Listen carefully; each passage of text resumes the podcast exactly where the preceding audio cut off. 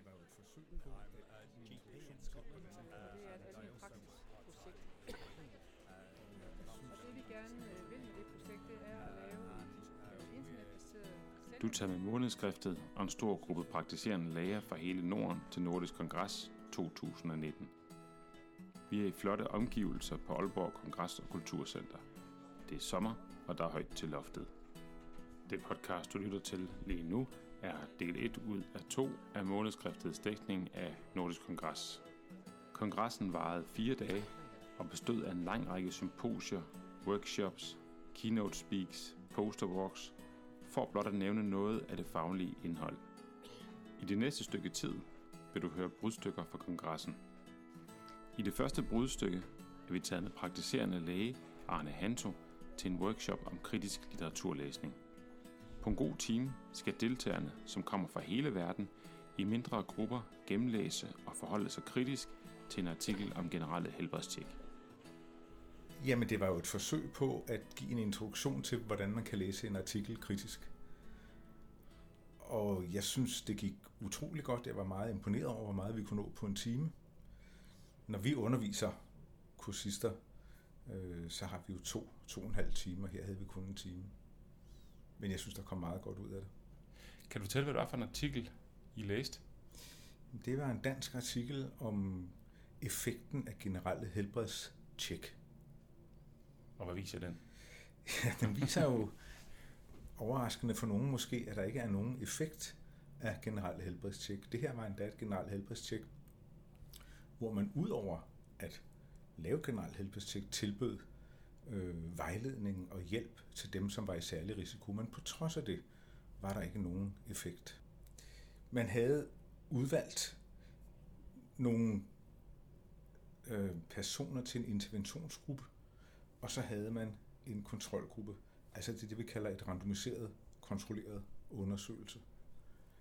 Og interventionsgruppen målte man så på på forhånd, om de var i særlig risiko eller i ikke særlig stor risiko for at få blodprop i hjertet eller blodprop i hjernen. Og hvis de var i særlig stor risiko, så fik de øh, alt mulig vejledning, hjælp, tilbudt rygestop, øh, kurser, hvis de røg. Og så fulgte man dem over en periode på 10 år og sammenlignede den interventionsgruppe, som man havde puslet meget om, med den kontrolgruppe, hvor man ikke havde gjort noget, så hvor mange, der havde fået blodpropper, og hvor mange, der havde fået, der var døde, og der var ikke nogen forskel i de to grupper. Lad os høre, hvad en af deltagerne for workshoppen sagde. Her er det Dr. Garnell fra Canada, som aktuelt arbejder i Tyskland.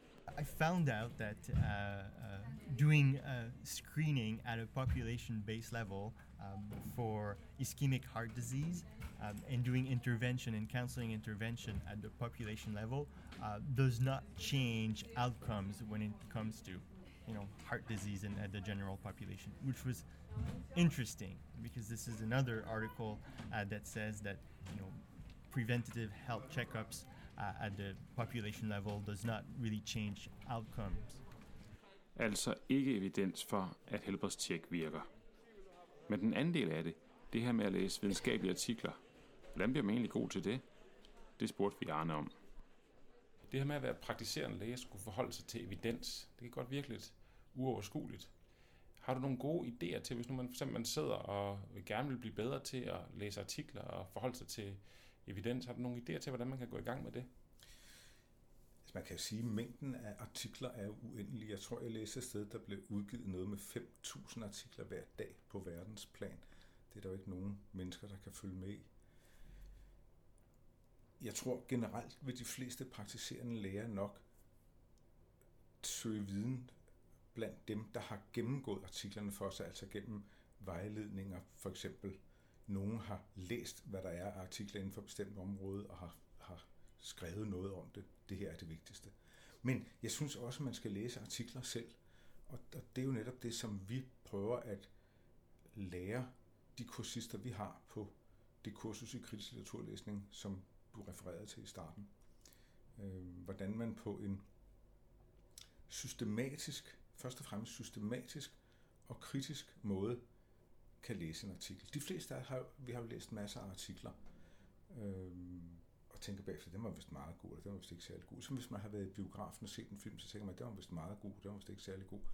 Når man så diskuterer det med nogen og gennemgår den systematisk, så kan man godt ændre mening, og det er sådan, det er med artiklerne. Som deltager i workshoppen fandt man ud af, at det at gøre artikellæsning til en social ting, betyder, at man kan komme i øjenhøjde med det, der måske synes som en kompliceret akademisk disciplin. Og så var det faktisk rigtig hyggeligt. Og nu skal vi til noget helt andet. Børnegruppen, som er en forskergruppe ved Forskningsenheden for Almen Praksis i København, stiller skarpt på børneundersøgelsen. Der er nemlig stor divergens imellem, hvordan vi som praktiserende læger udfører børneundersøgelsen. Hør Grit Overbæk, postdoc og uddannet sprogpsykolog, her fortælle om, hvordan børnegruppen arbejder.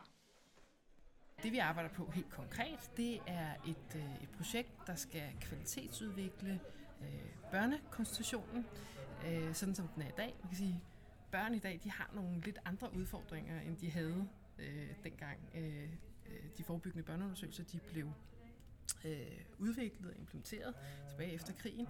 Øh, og derfor så kalder det også på, at man sådan løbende udvikler øh, børneundersøgelsen i retning af moderne børns moderne problemer. Øh, og det, det er den øh, kan man sige, kontekst, vi befinder os i nu her øh, på kongressen her. Øh, og vi har så søgt og fået øh, penge til at lave et stort randomiseret studie, som inkluderer 100 øh, almindelige praksiser med praktiserende læger og det øh, personale, sygeplejersker, jordmøder, som deltager i børneundersøgelserne. De skal øh, inkludere øh, hver 10 familier øh, ved øh, første graviditetsundersøgelse. Og så vil vi gerne have lov til at følge deres børn frem til de er øh, to og et halvt år gamle.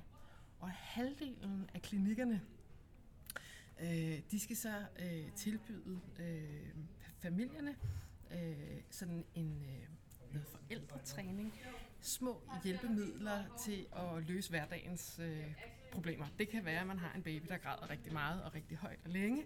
Hvordan kan man håndtere det som forældre? Hvordan kan man håndtere det, de bekymringer, man har, den træthed, man har osv.? Øh, og alle de der øh, problemer, der er i forbindelse med at stifte en familie. Der foregår altså en del aktivitet inden for feltet. Nu skal vi høre lidt om, hvad Karoline Poulsen, som er medicinstuderende og også en del af børnegruppen, har forsket i. Jamen, jeg hedder Karoline Poulsen, og jeg er medicinstuderende. Jeg har haft et forskningsprojekt øh, i børnegruppen, hvor jeg har set på, hvordan lægerne øh, håndterer forældres bekymringer i børnekonsultationen. Øhm, og øh, der har jeg kigget lidt på, hvordan at lægen eksplorerer og lukker ned for bekymringerne, og nogle af de sådan, praksiser, lægen gør brug af i den forbindelse. Mm? Hvordan lukker vi ned for vores patienter? Jamen, det kan lægerne for eksempel finde på at gøre ved at begynde at tale til barnet, også selvom barnet ikke har et sprog endnu, og sådan, så bare vende sig til barnet og begynde at, at tale til barnet og, om det, barnet laver. Øh, så er man ude af, af den samtale med forældrene. Så du vil sige, at I ser, at nogle forældre de henvender sig til, til den praktiserende læge med nogle bekymringer, og lægen responderer ved at snakke med barnet i stedet for. Ja, og det, er ikke, det lyder lidt brutalt, men det er ikke så brutalt, når man ser det, fordi at det foregår egentlig fuldstændig uproblematisk. Ja. Øhm, og, og forældrene og lægen samarbejder omkring det. Men det er interessant for os praktiserende læger, fordi hvis man er opmærksom på det, mm. så kan man måske Prøve at gøre noget andet. Ja. ja, man kan i hvert fald tænke over, når man gør det, at det er en ret effektiv måde at lukke ned på. Ja. Så kan man jo bruge det, som man vil. det er du ret i, ja. Lad os gå videre og høre, hvad læge Astrid Trier Grønfeldt, som også er en del af børnegruppen, har fundet ud af. Hun er ved at gennemse videooptagelser af børneundersøgelser for almen praksis, undersøgt, hvordan vi rent faktisk vurderer mor-barn-relationen. Jeg hedder Astrid Trier Grønfeldt, og jeg blev færdig læge her i januar. Og jeg ligesom Karoline havde jeg et forskningshalvår inde i børnegruppen. Og øh, der øh, var jeg heldig at have fundet materiale, nemlig nogle børneundersøgelser, som var videooptaget af nogle praktiserende læger, og også nogle interviews med de her praktiserende læger, hvor vi skulle prøve at blive klogere på, jamen, hvordan lige nu kigger de her praktiserende læger, hvordan uh, vurderer de mor-barn-forhold. Fordi i øh, guidelines fra uh, Sundhedsstyrelsen, der står i, at der skal man vurdere mor-barn-relationen, men i virkeligheden så var den ikke øh, præciseret, jamen, hvordan gør man egentlig. Så det synes vi var, var spændende at kigge på. Og øh, jamen, det jeg fandt ud af, det var, at øh, jamen, der er ikke kun én måde at lære det gør det på. Det er ikke fordi, de kun observerer. Øh, underset så var der fem forskellige temaer, der ligesom gik igen, både i videoer og i øh, og interviews. At jamen, øh, først og fremmest så bruger de deres viden som familielæge. De kender til familierne. De ved, hvad for nogle problemer der er i familierne, og øh, hvad der måske kan gøre, at den her øh, relation er udfordret. Og den er så kiggede de også på interaktionerne, der foregik. For eksempel, når øh, jamen, øh, børnene de skal jo samarbejde med forældrene, der, der, skal, der er en agenda, der skal følges, de skal klædes af og på, og de skal altså også lige kunne måles og veje, så der foregår rigtig mange interaktioner, man kan se på i de her konstitutioner. Så hvis lægen er opmærksom på, hvad der foregår, så kan man få rigtig meget ud af det. Så var der også dermed, at det rent faktisk, at lægerne rent faktisk kan talesætte, at jeg kan høre, at øh, I har, du gør det godt derhjemme, og at du, gør, at du håndterer tingene godt, og jeg kan se, at, øh, at øh, hun er rigtig tryg ved dig. Og alle sådan nogle positive kommentarer på, hvad det var, de så. Øh, de bruger selvfølgelig også deres erfaring, ved at de har set en hel masse familier, og øh, man ved jo, at øh, der er mange måder at forældre på, lige så mange måder, som der faktisk er forældre. Øh, men i og med, at lærerne havde set den her variation, så kunne de også sige, at der er et eller andet her, som ikke rigtig er helt, som det skal være. Så den her mavefornemmelse brugte de. Og det tror jeg, det går så gældende i mange andre hvad kan man sige, øh, koncentrationer end, end lige børneundersøgelsen.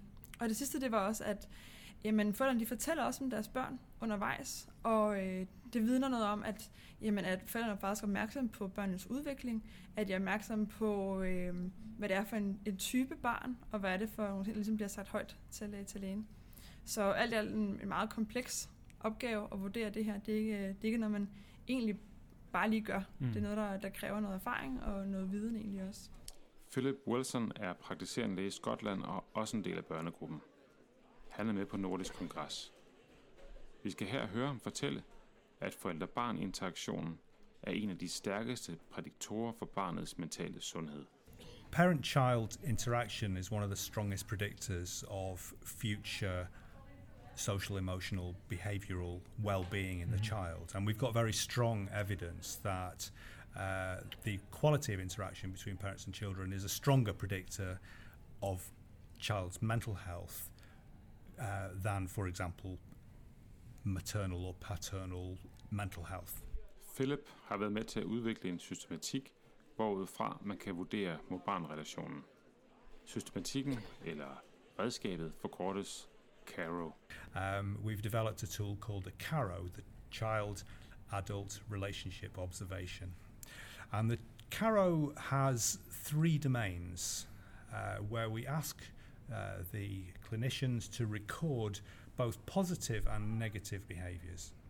Um, there is good evidence that both positive and negative behaviours are somewhat independent of each other, so you need to record both separately. And the three domains that we use are called cooperation and autonomy and responsiveness, mm-hmm. um, which is helpful because CARO is three of those letters. Cooperation is when a parent wants a child to do something that the child doesn't want, doesn't really want. So, for example, uh, a GP can observe during a developmental assessment, the GP can observe the parent undressing the child ready for an examination. So that would be a good opportunity to observe both positive and negative cooperation behaviours. Mm-hmm. Um, the second uh, domain is called autonomy, which is about the parental respect for the child's wishes. So this is about whether the parent checks out to see what the child wants and then uh, finds ways to allow that to happen when it's realistic or when uh, the autonomy can't be directly respected finds a good way to avoid conflict so that's mm. the second domain and the third domain is called responsiveness, which is really about the sensitivity that the parent has towards the child. Mm-hmm. Um, partly it's about just the general positivity uh, towards the child, whether the parent smiles and says nice things and talks in a, in a kind voice, uh, but also whether they pick up um, signals from the child, for example, about distress. Mm-hmm. So when a child's becoming distressed, that's a very good opportunity to look at responsiveness. Ifølge Philip er metoden let at lære for praktiserende læger, fordi den bygger på de rutiner og jagttagelser, vi i forvejen gør os. Metoden kan læres på et 6 timers kursus, og når man har fået indarbejdet metoden, tager børneundersøgelsen ikke længere tid, end den ellers ville have gjort. Det vil nu være fristende at lade Philip fortsætte sin fortælling. Men pludselig blev pausearealet fyldt af smuk klavermusik.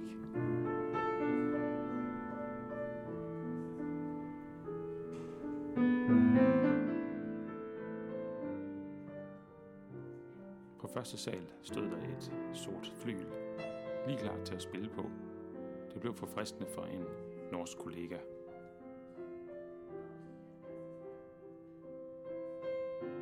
Du, jeg gikk opp trappen og skulle spise frokost, og der sto det et fantastisk flott uh, Yamaha-klaver. Da fikk jeg så lyst til å prøve det, så jeg måtte spille det litt. Det var deilig.